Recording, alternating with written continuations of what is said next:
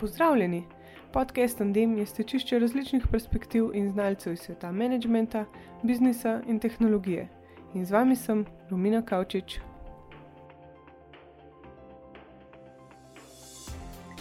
Vsak startup se rodi z velikimi pričakovanji, a tudi najbolj obetavne načrte lahko pokvarijo nenadzorovani dejavniki in včasih nespametne napake. V takšnih trenutkih ima ekipa startupa priložnost zapreti svoje vrata ali pa pivotirati. V tej epizodi vam predstavljam dva primera in sicer Marka Ranta iz Borza Terjatev in Vesno Drofenik iz Unua Ondo. Pokazala vam bosta, da včasih puško vržeš v koruzo, jo najdeš v pšenici, na koncu pa prodaš brezglutensko zgodbo.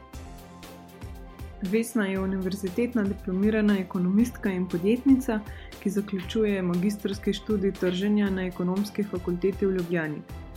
Rojena Ljubljančanka je sicer skoraj četrtino življenja prebila v tujini, na Slovaškem, v Švici in na zadnje na Japonskem. V podjetništvo je prvič zaplavala leto 2012, ko je kanila prek spleta prodajati vegansko obutev.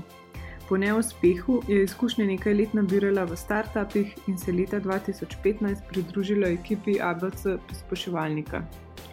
Leta 2018 pa je skupaj s partnerjem soustanovila družbo Unuando, kjer so razvili e-sports platformo GeoGame ter naročniško škatlo Jugobox. Živim, Vesna. Živim. Slišali smo zdaj že veliko tvojih um, kar bogatih izkušnjah, zdaj me pa zanima, v bistvu, kdo je Vesna, ko ne sedi v pisarni in tapka po računalniku. no, računalnika se kar težko znebim, tudi doma, to moram reči, uh, ker sem kar velika ljubiteljica videoiger. Um, in um, poleg tega pa tudi glasbe in filmov, uh, še zlasti imam rada horor. Eh, sprav grozljivke, še posebej, če so mal, uh, uh, mal humorne. Um, tako, uh, sicer uh, s partnerjem uh, imamo tri muce doma.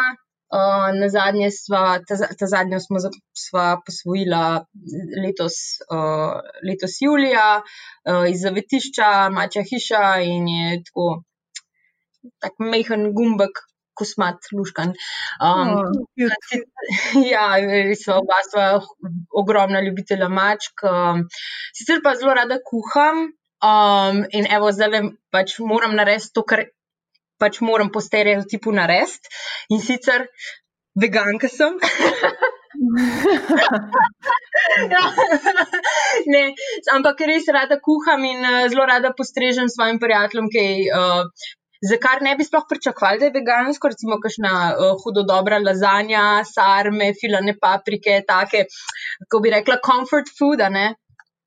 Um, in uh, kadar imam pa čas, oziroma kadar si ga vzamem, če sem bolj korektna, uh, rada pa primem tudi za kakšno kvačko ali pa iglo, čopič, pa tudi kaj tako ustvarjam uh, za obleč ali pa za okol vrtu ali pa za nasteno. Wow, kdo bi si mislil iz totalno tehničnega sveta v ja. popolnoma kreativno? Ja, ja, to je malo imam te dizajnerske, nisem mogoče ne le dizajnerske, ampak uh, imam to ozadje. No, bila sem na oblikovni v srednji šoli in uh, vedno sem rada ustvarjala, tako da ja, imam nekje v sebi tudi to. In ta, se mi zdi, da to kreativno razmišljanje zihar pomaga tudi pri um, poslovnih izzivih oziroma karieri. Pa lahko mogoče skočiva na to, kako si sploh začela, potem, če si bila na oblikovni, kako si začela s to kariero v pač čist tehničnem svetu. Uh, ja, v bistvu jaz sem kar uh, doživela neko, neko tako preobrazbo, miselno preobrazbo, bi temu rekla. Uh, Zato, ker sem se najprej upisala na en faks, pa sem ga pustila, pa sem se upisala na drug faks, pa sem ga pustila in oba dva uh, sta bila povezana z umetnostjo oziroma kulturo. Um, na kar sem ugotovila, da ni to za me, in sem šla, sem se zaposlila. Moja prva zaposlitev je bila, tararam, prodajala sem zavarovanja, eh, zelo uh, uh, tako glamurozno. Um, in uh, enostavno na neki točki sem ugotovila, da brez faksa pa tudi ne bo šlo v poslu. Čeprav v bistvu. Mm, mogoče ni bila tista kreativa, je drugačna kreativa v poslu, ampak kljub vsemu je, ne, iščeš rešitve za neke probleme, pa kako boš na nek nov način nekaj, nekaj razvil, nekaj predstav v svetu, oziroma nekaj, uh, neko uh, rešitev, uh, nek benefit dostavil svojim uporabnikom oziroma kupcem. Um, in V bistvu pa sem se upisala nazaj na faks uh, in sem si tudi uh, v bistvu pač ga drago plačala na začetku. Uh, in sicer sem, uh, kot si tako povedala v uvodu, ne ekonomska fakulteta. In tekom vsega tega sem doživela, uh, mislim, groza. Ne? Zdaj, v zadnjih parih dneh je na Instagramu, mogoče si opazila. Uh, nekako izstopil en, en, en profil Delozlom, uh, kjer objavljajo take uh, grozne zgodbe iz prekarnega sveta. Uh, ker ja, jaz sem začela z, uh, z kariero ravno sredi krize, uh, tam mhm. leta 2010, približno. Uh, in sem se z vsem tem srečala, od tega, da, da, da hočejo, da delaš na SP, da, uh, da um, da te ne plačajo, da te, da te ponižujejo, in tako naprej. Ne. Tako da vedno sem imela en, en, en, ta, en tako uporniški duh v sebi, a ne, ki sem bila tako, pa, pa ne bom pustila, da mi to ljudje počnejo. Ne. Uh, in sem potem leta 2012 ustanovila tisto svojo prvo spletno trgovino, um, ki se ni ravno razvila v nek uspeh, kot sem si želela, ker sem šla v ta projekt popolnoma nepripravljena. Um, nisem imela potrebnega znanja ne na področju marketinga, razvoja, logistike, ničesar. Vse, kar sem imela, je izkušnje iz malo prodaje. Um, pa tudi denarja nisem imela, ker to sem v bistvu začela kot popoldanski SP. Uh, in uh, tisti je bil v bistvu triggerno, oziroma prožilec, da sem šla uh, nazaj na faks. No, in v bistvu je ta, ta želja po lastnem podjetju kar nekaj let potem še dozorevala, ne, po tem prvem. Neuspehu, no, tako rekoč. Mhm. Pa si pozdrav in faksa delala druge službe ali kako? Ja, uh, najprej, v bistvu sem ravno tisto prvo leto se zaposlila, v, oziroma ne zaposlila kot študentka, no, sem delala v podjetju Apoteka, uh, ki ima svojo platformo Šopamin. Um, mogoče si za njih že slišala. Oni, v bistvu so, so, oni so v bistvu platforma za spletne trgovine, se pravi e-commerce. Um, na podoben način kot Shopify. Ne? In uh, tam sem bila potem dobri dve leti, oziroma ravno okoli dve leti, in tam sem se ogromno naučila. Uh, tudi o tem, kako je, ko bootstrapaš podjetje, pa ko včasih nimaš. Uh, Ko moraš včasih malo pametno si postaviti prioritete, da gre, uh, da gre vse lepo skozi, da, da, imaš, uh, da imaš dovolj denarja, da lahko svojim zaposlenim izplačaš plače, in tako naprej. Um, tam sem se ogromno tega, tega, tega survival moda naučila. Zdi se, da je bila to pol dobra povezava. Pač, glede na to, da si jih v tistem času se učila teorije na faksu, na Absolutno. drugi strani si bila pa pač praktično upletena v grajenje podjetja. Absolutno, absolutno. Ne. Točno tako, kot si rekla. Na eni strani teorija, na drugi strani praksa. Uh, in ja, v bistvu definitivno je zelo pripomoglo. Uh, poleg tega uh, se mi zdi pa, da je bilo zelo pomembno tudi to, da smo se, uh, da smo se s podjetjem potem enkrat na sredini uh, preselili v Hekovnik. Uh, predtem smo imeli ločeno pisarno, pa smo se pa, mislim, da. Um, enkrat 2015 smo se preselili na Hekovnik, kjer je bilo pa še več drugih podjetij, startupov oziroma tehnoloških podjetij, tudi agencij, no, uh, ki so uh, in tam, to je pa v bistvu čisto ena. Ena druga stvar, ko hodiš na cigaret, recimo, uh, s kolegi uh, iz drugih pisarn, ne po hodniku dol in v bistvu še njihove zgodbe slišiš in se ogromno naučiš in se tudi na nek način nalezaš tega uh, mindseta, ne, uh, da je mo neki narest. Ne. Mhm. Ja, pa da se vse da. Je to, ja, ne. v bistvu tak pozitiven podjetniški oziroma start-upovski um, kako bi rekla, ja, mindset. No. Oh. Me zanima, kako si šla polje za poteke, korak naprej v ABC akcelerator. Ja, to je bila taka zan, tudi zanimiva izkušnja. Uh, takrat sem še študirala ne, in sem šla in me je povabila v bistvu moja, zdaj žal že pokojna uh, mentorica za diplomo, uh, Kaj Rangus. Uh, me je povabila na uh, eno drugo skupino. Pravi, jaz sem v bistvu bila na smeri uh, International Business, dejansko sem študirala v angleščini na ekonomski fakulteti. Uh, no, skupina pe, uh, za podjet, uh, pač smer podjetništvo so šli pa dejansko na obisk ABC-ja. Uh, in me je Kaja povabila zraven. In se nekaj, ja, šor, ne. Uh, no, tam nam je potem moj takrat še bodoči, zdaj že bivši sodelavec Aleš Pustovrh, dr. Aleš Pustovrh, eh, pač predstavil celotno zadevo uh, in iz skupine, recimo, enih 30-35 študentov, sem bila jaz praktično edina, ki je karkoli vprašala. Uh, tako ljudi sploh, mislim. Podjetnikov sploh ni zanimalo, oziroma bodočih podjetnikov sploh ni zanimalo, kaj dosta. Ne? Pa mi je bilo to zelo čudno. In sem potem, ne bo delena, se šla predstaviti. Um, Izkazalo se je, da so ravno takrat uh, iskali enega študenta. tako da, v bistvu, uh, jaz sem zelo tako. Um, se mi zdi, da če, če se ne vržeš za neko priložnostjo, se zna zgoditi, da je ne boš več dobil. In to, to, to vedno zagovarjam in tudi v bistvu mojim prijateljem oziroma tistim, ki me hočejo poslušati, ker mislim, da marsikdo me tudi noče poslušati. um, vedno svetujem, gledaj, če te nekaj moti ali pa če te nekaj zanima, da je peta, ne bodi proaktiven, pojdi vprašati, uh, ker nikoli ne veš. Uh, kakšna priložnost se morda skriva sam za vogalom. Samo moraš pa toliko narediti, da, da se premakneš iz te cone obdobja. Ker najbolj udobno bi bilo, da bi jaz se usedla v tisti predavalnici na zadnji. Eh, v zadnjo vrsto in poslušala druge, ki sprašujejo. Ampak od tega potem ne bi imela nič.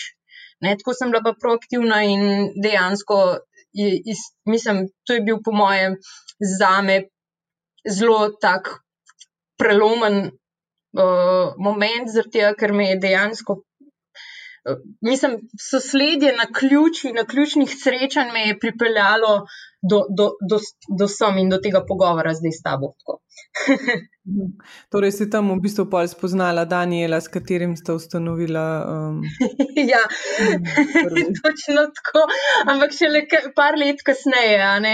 Uh, pa to je tudi sicer zelo zabavna zgodba. Um, ker, no, pa mogoče mečkam kasneje, če se vrnemo na to, no, um, ko bomo govorili o ekipi. Uh -huh. um, torej, če zdaj zaključimo, recimo v tem ABC akceleratorju, si v bistvu delala pol, um, verjetno, malo drugačne stvari kot v apoteki. Uh, ja, mislim tako na nek način, ja, uh, zato ker uh, ABC je že takrat, ko sem se pridružila ekipi, že takrat nas je bilo več, kot nas je na apoteki kadarkoli bilo. Ne? Eh, kar pomeni, da so bile vloge mečkan bolj definirane. Eh, pa čeprav v tem kreativnem start-upovskem duhu niso bile pa strogo, ne eh, dolo, pardon, določene. Um, tako da v bistvu sem začela kot v neki vlogi neke pripravnice in sem predvsem na začetku pri, pomagala pri tistem uh, razpisu, ki so ga imeli takrat za tretji program. Organizirala sem tudi en roadshow, kjer smo šli v dveh skupinah. Ena skupina je šla uh, po, po češki, slovaški in uh, um, mačarski. Uh, in so imeli potem v vsakem mestu, ne vem, Budimpešti, Bratislavi, so imeli promocijski dogodek. Uh, mi smo šli pa potem, druga skupina, smo šli pa na Polsko. Uh, tako, to je bil tak moj prvi challenge. Uh, in to je bilo tako, pač, ja, poveš se z ljudmi, ne pa pišem. Ja. Narediš, ne, ni, ni tako, zdaj ti bo pa nekdo dal vse korake do, do, do uspešnega zaključka naloge. Ne, znajti se moraš, ker nihče v, v takem startem, raztočem, startem okolju nima mogoče časa, da ti ne, pove, najprej narediš to, potem narediš tisto, potem narediš tretji korak. Ne. Ne.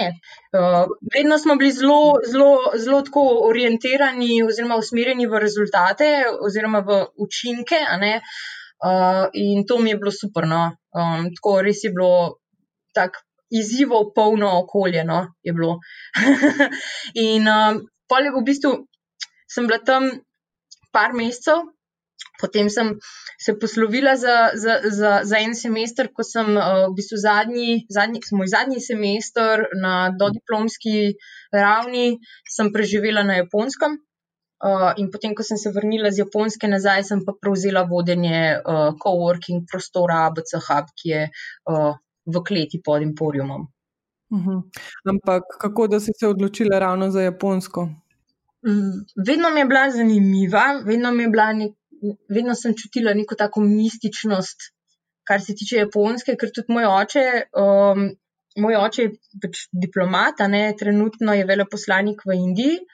Um, ampak že preden, preden smo se prvič odselili iz Slovenije v tujino, uh, ker selili smo se seveda zaradi njegovih mandatov. Uh, Je on veliko potoval službeno in, in je večkrat je šel na Japonsko, in vedno mi je najbolj zanimiva darila pri, prinesel ravno od tam. Uh, no, potem v kasnejšem obdobju sem pa seveda um, spoznala svet animejev in uh, japonske glasbe. In to je bilo to. Uh, tako da vedno sem si želela iti tja, uh, in se mi zdi, da, da najboljši način, kako uh, res spoznati eno kulturo, je, da se tja preseliš za nekaj časa in um, izmenjava tekom študija, se mi zdi krasna priložnost za to. Pa, tako relativno poceni tudi na nek način, ker še vedno tudi nekaj dobiš, čeprav neki, neki denarje, seveda, tudi zapraviš tam. Pa se ti zdi, da ti je pol v bistvu vse te izkušnje. So ti pomagale pač v Sloveniji, oziroma pač v nekako v popolnoma drugačnem svetu v Evropi, ali se da kakšne usporednice vleči? Definitivno se da, ker čeprav japonsko kulturo oziroma japonske, japonce, japonsko nekako tretiramo kot nek, neko eksotiko, pa čist posebna pravila, kar se tiče družbe in komuniciranja z drugimi deležniki, in, ne vem, komuniciranja s svojimi bližnjimi, komuniciranja s poslovnimi partnerji, ne, uh, ker dejansko pač jaz sem, jaz sem tudi. Uh, Moje diplomsko delo je bilo dejansko o, o inovacijskem ekosistemu na japonskem, tako da sem tam kar nekaj tudi sama raziskovala. Uh, tako da sem lahko primerjala, ne, v bistvu, kaj sem videla, da se dela pri nas, pa kako je pri njih. In tako ne. Um, ampak v resnici je pa tudi kar veliko podobnosti.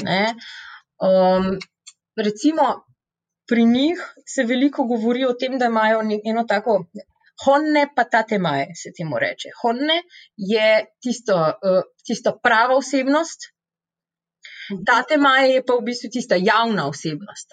In se mi zdi, da, da to, to počnemo tudi mi, pri nas v Sloveniji.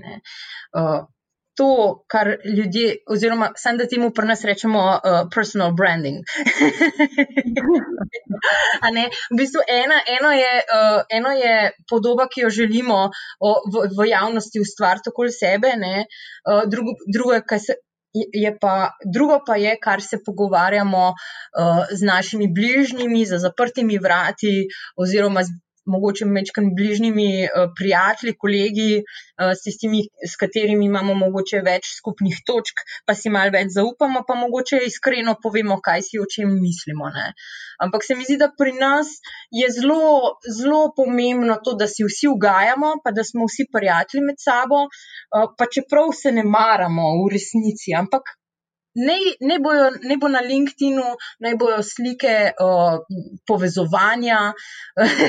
ne. Tako jaz ne vem, no, je, je vse en, tudi, tudi imamo to pri nas, samo da pri njih imajo.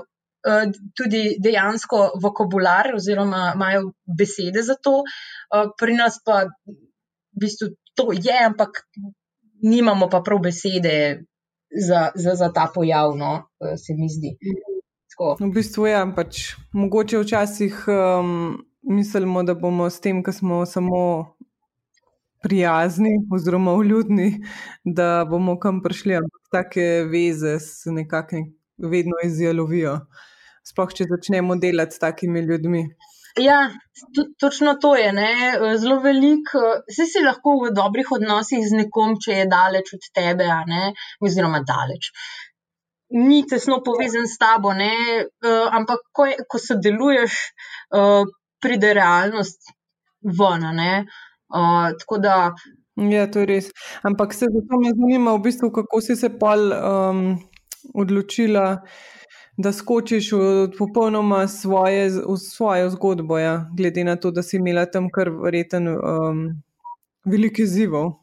Ja, mislim, vedno je, ko so, ko so taki sistemi ne, hitre rasti, oziroma ko je tako ena ideja, pa veliko, veliko vloženega truda in financ v to, da ideja uspe, je zelo velik, um, v bistvu velik pritisk na to, da, da bojo dejansko potem tudi rezultati.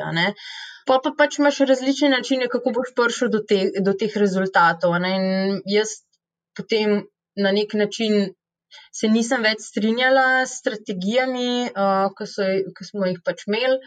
Uh, in sem tudi, tudi zaradi tega ne, potem hotla, hotla končno imeti priložnost, da lahko delam čisto po svoje. Um, ker, ja, pač prv, kot sem rekla, prva. Prva, res ta prava, taka podjetniška izkušnja se mi je čisto izjalovila, uh, ampak ta druga je bila pa tako, pač, če lahko delam, uh, ker tudi, no, če se mal v bistvu vrnem, oziroma začnem še eno drugo temo in sicer work-life balance. Ne, Na nek način lahko delaš pod pritiskom in več, uh, mislim, nadure, a ne ve, dolge, dolge ure. Lahko nekaj časa delaš, ampak slejko prej pregoriš. Um, in mislim, da sem tudi malo pregorela, mislim, da se tudi nisem še čist dobro uh, uh, znebila te pregorelosti, čeprav delam na tem. Da pač enostavno sem rekla, če sem sposobna tako trdno delati za nekoga drugega, kaj, kaj, kaj, pa, kaj se pa zgodi, če, če začnem na ta način delati zase, a bomo pač pol, pol bogati. ne, se ne. Uh, a bo, ne, zagotovo nam uspeh ne uide. Ne? Če bomo tok truda in tok, uh, tok v bistvu pešna, ne? neke strasti uložili v lastno podjetje, seveda, da nam bo ratala. Uh, ampak to ni dovolj. Ja, v bistvu je kar veliko faktorjev povezanih, ampak glede na to, da dobro, zdaj živimo, da si navdušena nad video igricami, zato me ne čuti, da ste si za prvi projekt z Danielom izbrali ravno nekaj povezano s tem. Um, pa me zanima, v bistvu, kako sta to začela, um, glede na to, da sta tudi bootstrapala podjetje. Ja, v bistvu tako bom rekla, da sploh ni bilo na začetku, uh, nismo se na začetku odločili, da bomo bootstrapali, to je prišlo kasneje. Ker če bi se uh -huh. že na začetku odločili, da bomo bootstrapali, bi čist drugo idejo izbrala. Ne? Ker, uh, tako kot sem prej rekla, uh, velika, velik projekt pa bootstrap gre težko skupaj. Sploh, sploh če je v zadju manjša ekipa, ne? ker res smo, v bistvu smo bili na začetku sama, pa smo mečkan zrastali. Um, in ja, v bistvu, um, uh, ko sem bila še na ABC-ju, v bistvu zadnje, zadnje, zadnjih devet mesecev sem vodila. Uh, Cel oddelek trženja in sem tudi koordinirala z drugimi izpostavami po svetu, uh, kar mi je v bistvu pač sem imela priložnost tudi iti na kakšno konferenco, ne, kar je bilo super, um, dejansko, so mi, da so mi dali to priložnost. Um, in sem šla na Demeksko v, v, v Kelen in tam sem poslušala en panel o e-športu. Uh, in tako to raste, in tako kako to v bistvu ljudi gleda. To je bil v bistvu moj prvi, moj prvi resnejši stik z e-športom, zato ker jaz Jaz ne igram iger, ki so v e-športu priljubljene. Ne? Jaz igram Civilization, take počasne strateške igre uh, ali pa, ali pa kakšne manjše uh, independent uh, igre imam tudi zelo rada, pa seveda Nintendo. Uh, tako da mi ni bilo to tako blizu, ne pa ker smo takrat, tam, tam, tam sem pa toliko enih zanimivih podatkov slišala, da sem potem, ko sem prišla nazaj, sem rekla, Danielu, hej, a veš, kaj se dogaja, in pa smo začela tudi sama raziskovati to področje. In smo slejko prej prišli do, do, do problema in do ideje, kako bi to uh, reševala. Ne? Mm, in potem. Pa smo pa šli, pa je bil to na nek način tudi izgovor, da, da smo lahko v bistvu tudi šla, zaradi tega, ker je bilo malo, malo težko iti iz, uh, iz, iz podjetja, kjer je v bistvu uh, ekipa tako tesno povezana, ne ker smo bili res zelo tesno povezani, uh, ampak uh, pač, a ne, rečeš, le, zdaj pa hočem delati to, in, in, in, in pol smo šli. Ja, v bistvu se mi zdi, da te poli tako ta pešen, kot si že prej omenila, te tok um, drive, da v bistvu nočeš sploh pogledati nazaj. Ne? Ja, ja, mislim, pol pač enostavno dobiš tega, vem, you get the bug, ne rečejo uh, američani, in bolj pač ne moreš. Oziroma, uh, moraš se popraskati. No? You, you have to scratch the itch. Eh, ta, ta, to reklo mi je všeč. No? In pač smo rekli, moramo probati. Moramo probati, ker če ne, bo prišlo pa ne vem, čez pol leta bo prišel en startup, pa jim bomo rekli spet. Ne, to smo hoteli narediti, pa si nismo upali, evo zdaj pa nekdo drug. Ne. Ja, ja. Ampak um, ste pa od začetka um, kaj pivotirali, oziroma ste spremenjali idejo, um, ko ste testirali z uporabniki, ali kako je šlo to? V bistvu, tako, ko smo začeli, smo nek, mislim, na začetku je kar nekaj časa trajalo, da smo razvili uh, sploh naš MVP. Uh, ravno zaradi tega, ker smo bili zelo majhna ekipa um, na omejenem na omejenem eh, proračunu in smo želeli vse pač razviti znotraj, ker če smo imeli, eh, če smo imeli vsa, to, vsa to znanje znotraj naše ekipe, ni razloga, da bi to outsourcali. Uh, in smo v bistvu potem tudi kar sproti, uh, sproti smo dodajali feature, v bistvu smo imeli. Preden smo dejansko javno lansirali, smo imeli zaprto beto, kamor smo povabili uh, igralce oziroma uh, uporabnike, ki, za katere smo menili, da dejansko bi jim, uh, bi jim tak produkt prišel prav, in smo potem z njimi skupaj delali, da smo, da smo v bistvu izboljšali in uporabniški umestnik oziroma uporabniško izkušnjo in dodajali feature. Uh, Ali pa samo prikaz, kako, se, kako so se stvari prikazovale, uh, lo, samo logiko med, med, med kako v bistvu sistem poveže enega igralca in drugega. Tako, vseeno smo kar velik. Uh, ampak ne bi pa rekel, da je bil to prav pivot, uh, oziroma tako vedno. Vizija nekako je že na začetku bila, oziroma ne tukaj vizija, ampak bolj sanje so vedno bile v, v smeri nekega podjetja, ki ima, svoje, ki ima več svojih eh, produktov, ne, ne samo enega, sem začel s tem prvim uh, in zdaj pač nadaljujemo tudi z drugimi. Mhm.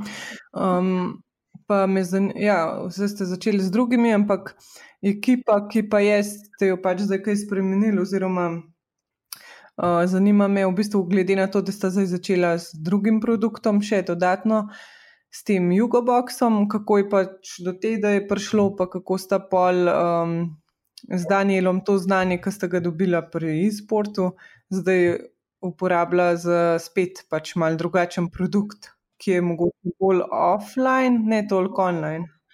A, pa v bistvu, v bistvu ja, m, želeli smo. Uh, Jugobox je bil v bistvu tako, da bomo naredili nekaj, kar nam bo prineslo denar. v bistvu je bila ideja za bootstrapanje, ne? nek tak um, stranski produkt, ne? oziroma stranski. Težko je stranski, če moraš celotno logistiko, vse procese postaviti, in potem ni več stranski produkt, ampak je že pač samostojen. No, Jugobox uh, je naročniška škatla uh, in sicer uh, vključuje razno razne blagovne znamke iz področja, uh, z geografskega področja bivše Jugoslavije.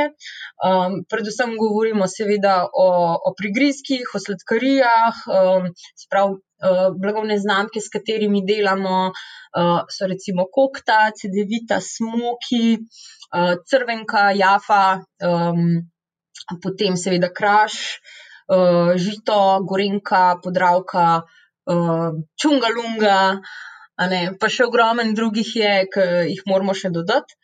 Uh, deluje pa tako, da, uh, da v bistvu pač vsak mesec pošljemo našim naročnikom eno škatlo, uh, ki ima noter uh, vsega skupaj 11 izdelkov, sprav 10, 10 izdelkov plus ena kava. Uh, s tem, da tisti, ki so na DKF uh, varianti se lahko, lahko pač to kavo zamenja za nekaj drugega, čeprav se nam v praksi to še ni zgodilo, očitno smo vsi kofetari. Uh, in uh, ja, kot smo v bistvu mislili od začetka, da bo to izključno online uh, produkt ne, in direct to consumer, se pravi, da, ne, da prodajamo neposredno našim kupcem, ne, da nimamo drugih kanalov razen pač tega svojega. Uh, dejansko dobivamo povpraševanja tudi od drugih podjetij. Ne? Tako da uh, zelo, zelo, zelo zanimivo bo, no, kaj, se bo kaj se bo iz uh, Jugoboxa razvil. Smo pa dejansko uh, lansirali malo več kot en mesec nazaj. Uh, tako da smo ravno prejšnji teden poslali uh, prvo. Uh, Prav prvo, prvo skupino boksov našim naročnikom, in uh, tako no, se že veselimo pozitivnih feedbackov, in uh, tako no, super je. Mhm. Pa sta prej, preden sta začela delati ta box, tudi kaj potestirala, trg, um, sta mogoče naredila več v različnih verzijah teh boxov, pa sta se pa na koncu odločila za jugo. Delke. Ne, dejansko ne. V bistvu smo um, to idejo sem jaz imela že kar nekaj let nazaj. Sicer, ne? In sicer takrat, ko sem prišla iz Japonske, je bila ta, nosta, eh, ta občutek nostalgije po domovini še vedno izrazito močan. Ne? Ker nekaj, kar pa je res, je, da je, da je ta narodna zavest, oziroma mogoče ne toliko narodna, ampak v bistvu to, um, da imaš rad kraj, odkudar si prišel in da ga, pač, da ga pogrešaš, je bistveno močneje. Um, in to sem izkusila že kot otrok, ko smo živeli v tujini, in ne bom pozabila, kako smo vedno, ne vem. Koliko tistih velikih, eh, večkilskih vreč čokolešnika uh, pelali uh, v prtlažniku s sabo, ker se si dubu, tudi v tujini, dobiš neke neke podobne izdelke, ne, neke substitute, ampak ni, ni isto, ne. ni čisto isto. In sem vedno. Vedno isti ta okus. Ni čisto isto, ne, Reci, ali pa recimo CD-vita, ne. CD-vita ima prav en tak poseben, zelo kisel okus, ne, ker če poskusiš, ne vem, druge alternative, ki se jih dobi tudi pri nas, so bistveno bolj sladke, ne. In tisti, ne mislim, če si navajen na CD-vito, ti tisti ni dober, ne. Vsaj meni nikoli ni bilo. Um, tako da v bistvu, ko sem prišla, če se vrnem, ne, uh, ko sem prišla iz Japonske, je bila ta ideja. Nekaj pa, če bi, ne vem, to pošiljali, ne? ker sem pa že videla, takrat je v bistvu ta trend. Uh, naročniških škatl oziroma subscription boxes je bil že kar močan. Vsi smo, mislim, do, do tiste točke smo dejansko tudi na faksu vsi poslušali uh, case study Dollar Shave Club, uh, ki je nekako bil mogoče najbolj tak uh, udaren začetnik uh, v tem valu teh naročniških uh, produktov. Um, in smo v bistvu dejansko začeli to razvijati z svojima dvema cimroma, uh, ampak enostavno ni, ni, ni bilo takrat take, ne vem. Vsak je imel neke druge, neke druge še stvari, ki so se mu dogajale v življenju, ali faks, ali delo, ali ne vem, karkoli že, in nikoli v bistvu nismo potem uh, realizirali te ideje. Ampak meni je, meni je ostala v glavi in ko smo bili pač zdaj pol leta nazaj, oziroma zdaj že malo več, uh, tisto, kaj bi pa zdaj naredili, da bi bilo tako, da lahko relativno hitro spravimo nekaj na trg. ja, to smo mislili, ne? pa smo rekli, kaj pa če bi naredili ta jugobox. Um, ampak ni bilo ne hitro, ne enostavno, tega, ker če hočeš en, en, en, en biznis, mislim, ne maram niti besede biznis, če hočeš nek posel postaviti, ne, nek produkt z zdravimi temelji, pa da, pa da bo, vem, na dolgi rok tudi pil vodo, ne, ne moreš. Sam na hitro, ne moreš zgraditi uh, stike z dobavitelji, moraš ne, v bistvu malo, bolj, malo več razmisleka, da tudi v procese, uh, kako bo zadeva sploh delovala. Tako da s tem smo se v bistvu ukvarjali, zdaj, dokler nismo lansirali. Od... Se ti zdi Slovenija dober poligon za testiranje novih idej? Ja, odvisno od, od, od, od izdelka. Zdi se mi, da je super. Um, Za neke take izdelke, če govorimo zdaj čisto o produktih, a ne fizičnih produktih, uh, za nek, neke take široke potrošnje, se mi zdi super, to tudi uh, izkazuje ta oddaja, ki jo imajo. Um, Štarta je Slovenija, ki zdaj v bistvu mislim, da že četrto sezono teče in vedno je ogromno krasnih izdelkov. Um, meni je meni tisto vedno super, pač vedno grem, mislim, nimam televizije, ampak grem vedno rada pol v špar pogledati, kaj, kaj so pa tokrat izbrala, ne? ker so vedno super izdelki in mi prav veselijo, ne, da imamo tukaj te, enega tega podjetništva v Sloveniji in da, in da ima tak, uh, tak način, da, da imamo tudi tak način, da se, da se lahko uh, ta podjetja predstavijo. Uh -huh. um, za nas, recimo, Slovenija ni dober poligon za testiranje, zato ker mi dejansko, mislim, naš, uh, naša skupina zgodnjih, uh, zgodnjih uporabnikov uh, so dejansko izseljenci. Ne? Ljudje, ki so se preselili v tujino zaradi službe, zaradi študija, zato ker so, ne vem, zaradi ljubezni in njih ni v Sloveniji, njih, uh, njih uh, pač moram dejansko najti praktično na roke. Uh, ampak kar pa smo naredili, pa je, da smo v bistvu pač koncept izdelka, ki smo ga imeli, se pravi 11 izdelkov, škatla je pač taka, kot je, v teh in teh dimenzij in tako vse. In smo v bistvu naredili en, en testen, uh, eno testno rundo, kjer sem v mhm. bistvu našla, v bistvu sem izbrala sedem. V bistvu so bile same punce, v bistvu moje sošolke, prijateljice uh, in tako dalje. Uh, plus, pač po priporočilu jih je bilo še ne par zraven in smo poslali, uh, mislim, da ne deset jugoboksov po celi Evropi uh, in potem v bistvu pač vprašali, kako se jim je zdel, ne, ampak to smo v bistvu naredili čist na lasne stroške. Uh, Zaradi tega, ker enostavno težko bi, težko bi samo na način, ne vem, prototipa ali pa moka, pa dobili real, realističen uh, odziv. Um, mislim, vsak bi rekel, ja, je vse full fine, ampak ali bi dejansko kupil to, to je pa drugo vprašanje. Uh, in Pa v resnici si tudi sami nismo odgovorili čisto na to vprašanje, ampak smo pa vsaj tiste stvari, nekaj stvari smo pa lahko determinirali. Ne? Se pravi, da je, da je pač vsebina ok, a ne da je m, v bistvu cena ok, uh, samo da v bistvu, um, da pa mogoče način komuniciranja še ni ta pravi. Uh, ker mi smo si za zgled vzeli uh, eno japonsko zadevo, zelo podobno, Tokyo Treat se reče. Uh -huh. Uh, in oni so tudi subscription, uh, spravo naročniška škatla, vsak mesec pošljajo eno tako škatlico in je notor ene par takih um, različnih prigrizkov, sladkarij iz Japonske. Ampak oni to, mislim, tako ne komunicirajo tako iz, zelo podrobno o tem, kateri izdelki bojo notor, zdaj, ker itek nihče tega ne pozna. Ne? To njihovi kupci so tisti, ki ne vem, vidijo, pa imajo radi anime, tako kot jaz, pa rečejo, o, kul, cool, da si mu pa jaz to naročil, ne, pa da vidim, kva oni tam jejo. Ne, ne se malo grdo izražam, kva. um, Medtem ko pri nas, ne, pa ljudje oziroma uporabniki že poznajo izdelke in vedo, katere hočejo in katerih nočejo. Ne. Tako da to je recimo zdaj nek tak next step, ki ga bomo, uh, ki ga bomo lahko um, se lotili uh, reševati. Eh, problem, kako v bistvu zagotoviti, da, da, pač, da dobimo tudi tiste, ki jim, ki jim ni vse en, kaj dobijo vsak mesec. Um, ker enim je pa pač dokazano, ker imamo že uh, recurring naročnike, očitno imamo tudi, da, da, da, ni, da ni važno. Da, ja.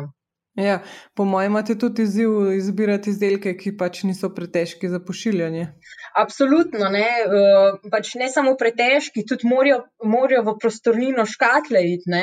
Uh, recimo, zdaj smo, zdaj trenutno ponujamo tudi uh, en poseben izdelek, uh, in sicer kanina na ročnino, ampak je pač enkraten nakup in sicer je to uh, tak prazničen jugobox, ki ima mečkan drugačno sestavo izdelkov kot, uh, kot ta redni. Ne?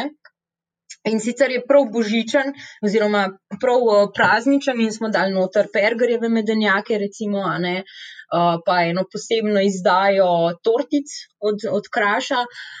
Ampak vsi ti izdelki so bistveno večji, pa čeprav ne tehtajo toliko več. Ne? In dejansko smo imeli kar pol izziv, kako vse to sploh zapakirati. Tako da ja, je. je um, Čim bi potem hotel imeti uh, eno tako, ne vem, uh, na, naklikaj si sam varianto, ne, potem v bistvu cela logistika se spremeni. Uh, tako da, uh, ampak absolutno je pa to full dober. Uh, ful dober feedback z trga. Da se pravi, da v bistvu ljudje želijo to, ampak ne želijo pa vsega, želijo samo tiste izdelke, ki so jim všeč, ne nočejo pa še tistih nekaj zraven. Kar je pač fair enough. Uh, ampak mogoče problem za nekoliko kasneje. Ne? Kako se pa pa odločate, glede na to, da dobite veliko feedbacka, um, kater feedback sploh pač upoštevati, um, verjetno glede na to, v kateri fazi ste? Mm, ja, um, dejansko malo mal gledamo tudi, v bistvu, kaj, kaj, kaj je sploh eh, za nas dosegljivo, oziroma kaj, kaj mi lahko sploh naredimo v naši majhni ekipi. Dokdaj je lahko narejeno, se pravi, koliko časa bo trajal razvoj določene funkcionalnosti, in tako naprej. Um, ker stvari, ki so, ne vem, feedback, ki ga dobimo uh, na, na določene funkcionalnosti naše spletne strani, so tiste, na katere lahko relativno hitro od, odreagiramo in, iz, in pač določene stvari izboljšamo. Uh, recimo, primer tega je bil, ne, da smo od začetka planirali tri različne uh, plane, sprav mesečni, uh, tri mesečni, pa šest mesečni. Ampak nam potem v bistvu procesor plačil um, nam ni dovolil tega šestmesečnega. So rekli, da prej ste novi, ne morete, ne, lahko imate en mesec, pa tri mesece uh, enmesečni in trimesečni program, uh, mislim, plan. Uh, pa smo rekli, v redu, in smo samo tisto opcijo omaknili, nismo pa, nismo pa uh, prilagodili dizajna. Ne? In potem se je izkazalo, da sploh ni bilo jasno, katera opcija je izbrana, ker, je bilo, ker sta bile samo dve. Ne? In ena je imela tisti, kao uh, zraven zavihek, um, uh, najboljši del, kar tale se najbolj splača.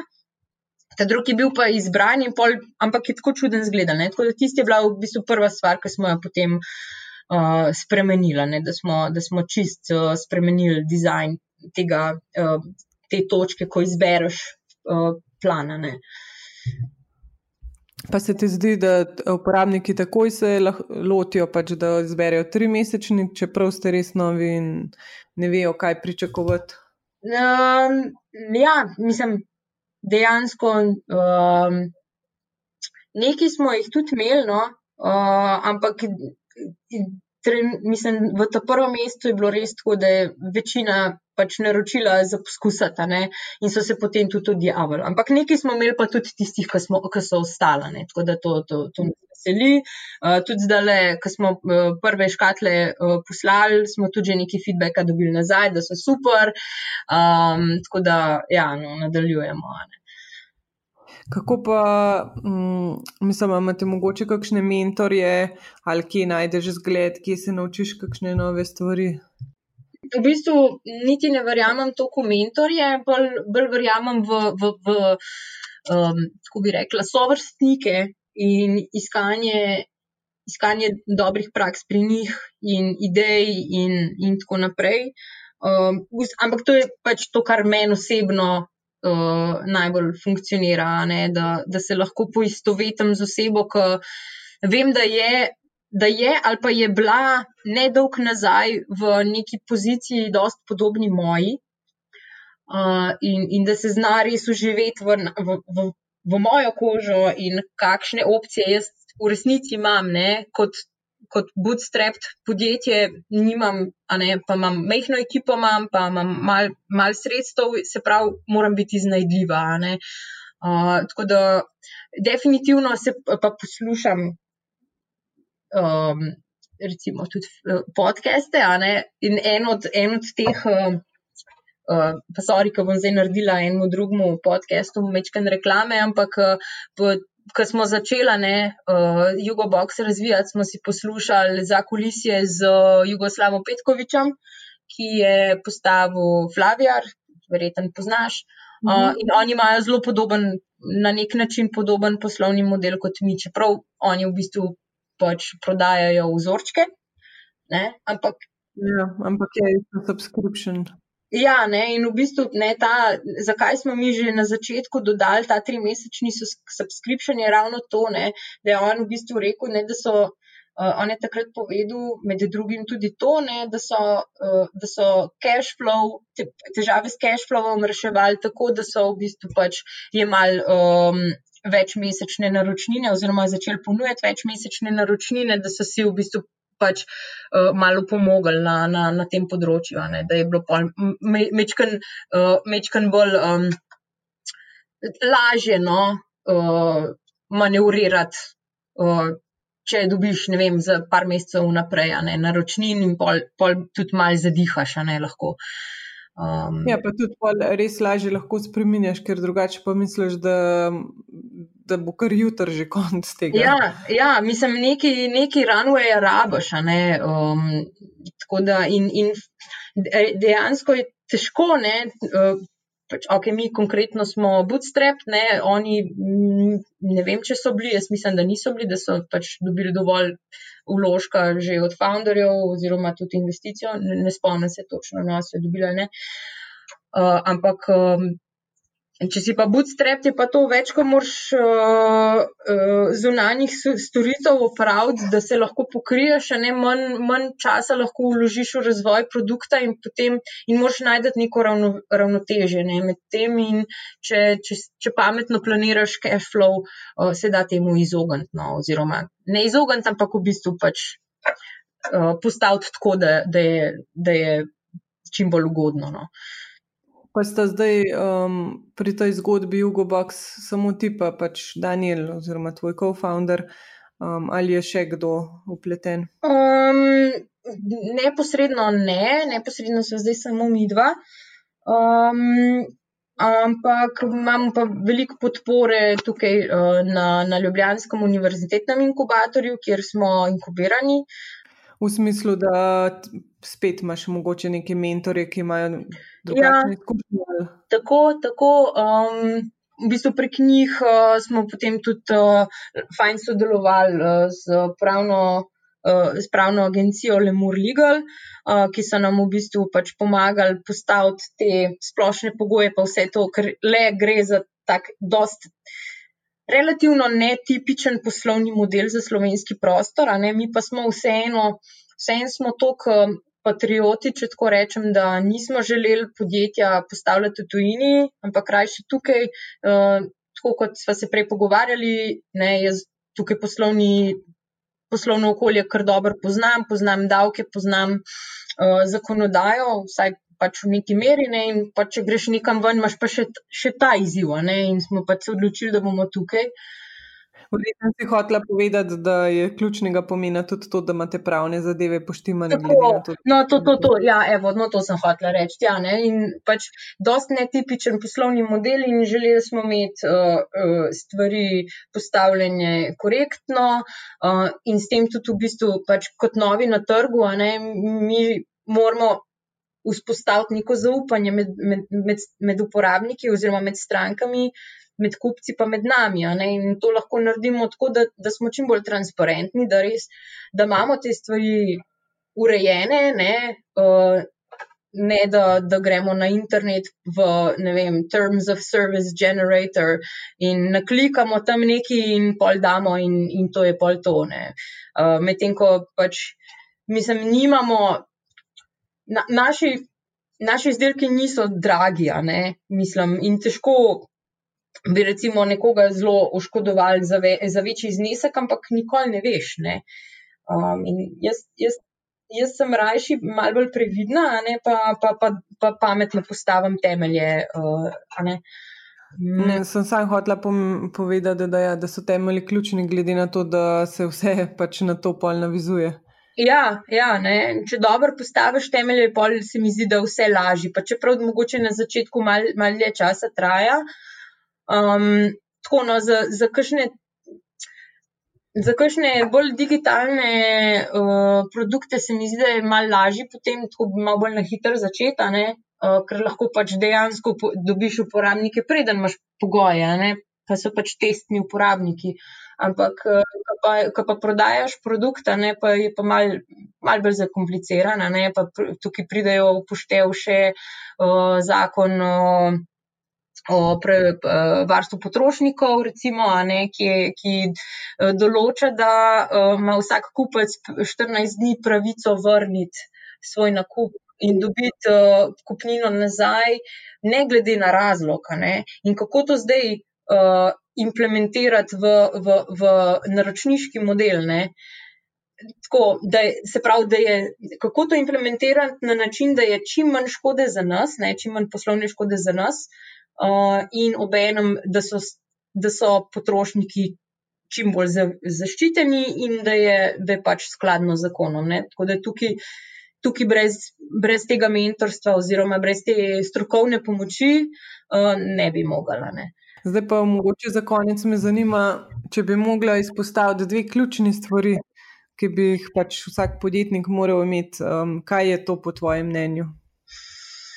Um, ena stvar je definitivno iznajdljivost in trda koža, ker um, kukar je, kukar zna biti težko v, v, v nekem uh, okolju, ko si zaposlen, ne, imaš še vedno, ti še vedno nekdo krije hrbata ne, in imaš vsaj v teoriji zaščito zakona, imaš zaščito svoje zaposlitvene pogodbe, um, in tako naprej. Medtem ko, ko, ko si podjetnik, si odvisen samo od sebe.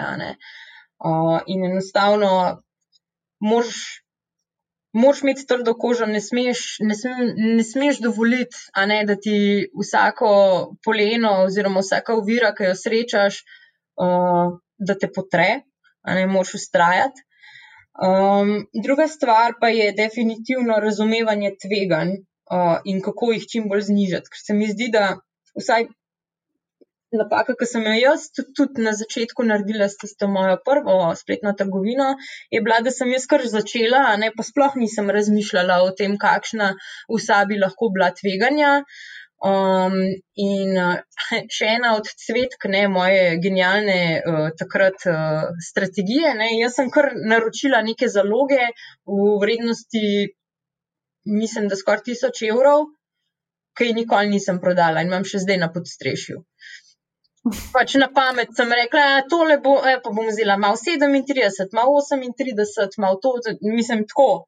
Mislim, ne gre, ne, tega ne bi nikoli naredila več in nikoli ne bi, mislim, če bi koga slišala, da hoče to narediti, bi, bi dubo eno okolo šest. Ja, na začetku, ko nas to navdušenje prevzame, vedno pol gremo.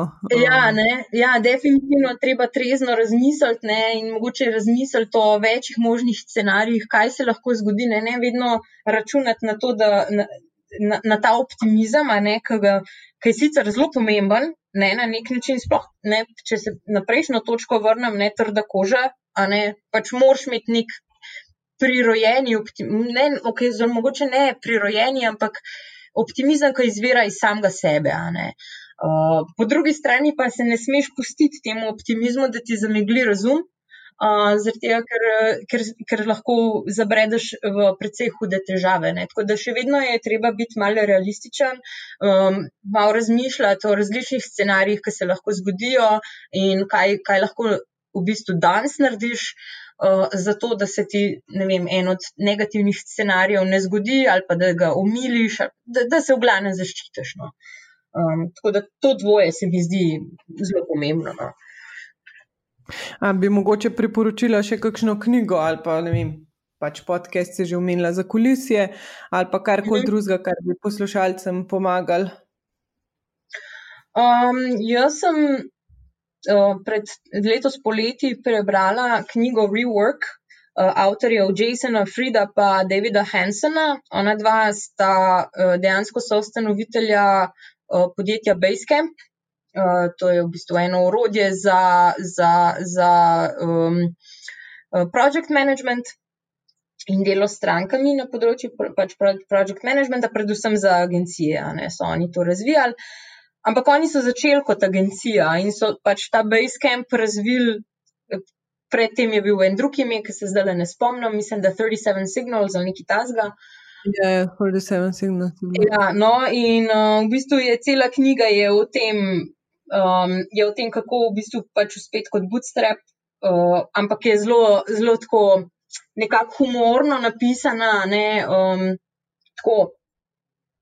Mal, mal, mal te, mm, kako bi rekla, sanjave, ideale podjetništva, še posebej start-up podjetništva, postavlja realna tla, um, ker pač ne želijo si vsi prodati 50 odstotkov ali več svojega podjetja že tako pred časom, samo zato, da imajo denar, da, da pač nadaljujejo.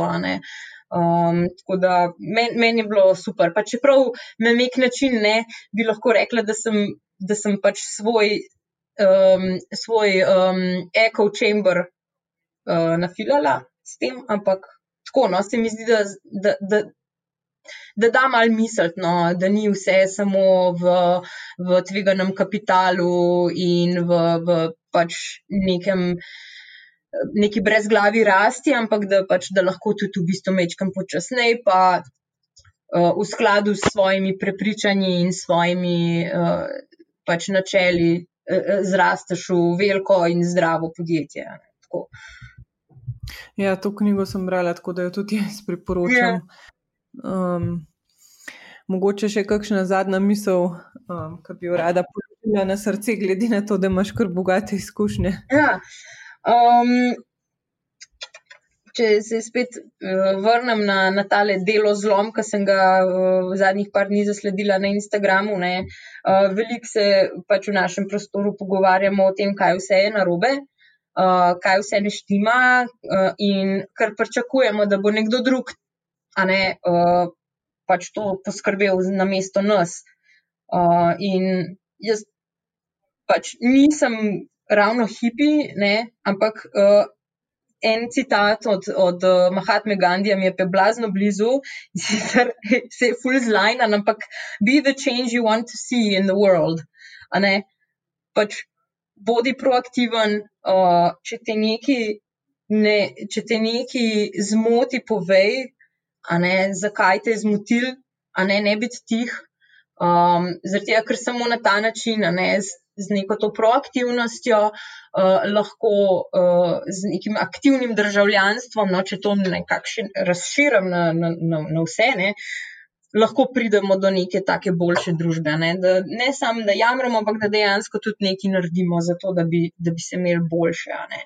Um, in pač delite v skladu s svojimi načeli, ne vas ne bo strah izgubiti stranko, zato ker morate požreti neko načelo ne, pač drži se tega in boš tudi privlačil, sicer mogoče ne takoj, ampak s časom boš privlačil na ta način tudi stranke, ki imajo podobno, uh, podobno mentaliteto, kot jo imaš sama.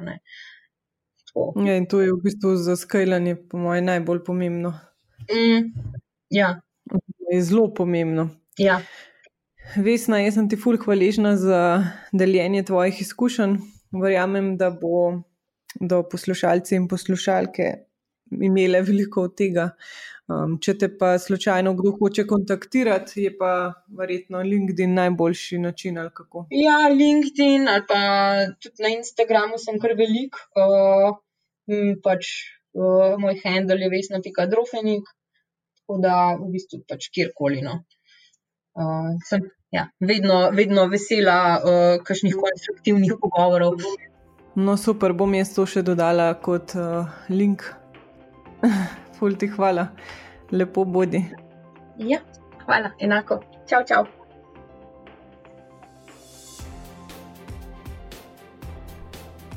Hvala za poslušanje. Če vam je bila epizoda všeč, prosim, pustite svojo oceno na iTunesih ali pa me potegajte pod afna poslušajte nem na Instagramu, Twitterju ali Facebooku. Tako bodo za kul vsebino izvedeli še drugi. Če pa imate predlog teme za novo epizodo ali pa gosta, pa mi lahko pošljete e-mail na hej, afna poslušajte nem.si. Se slišimo!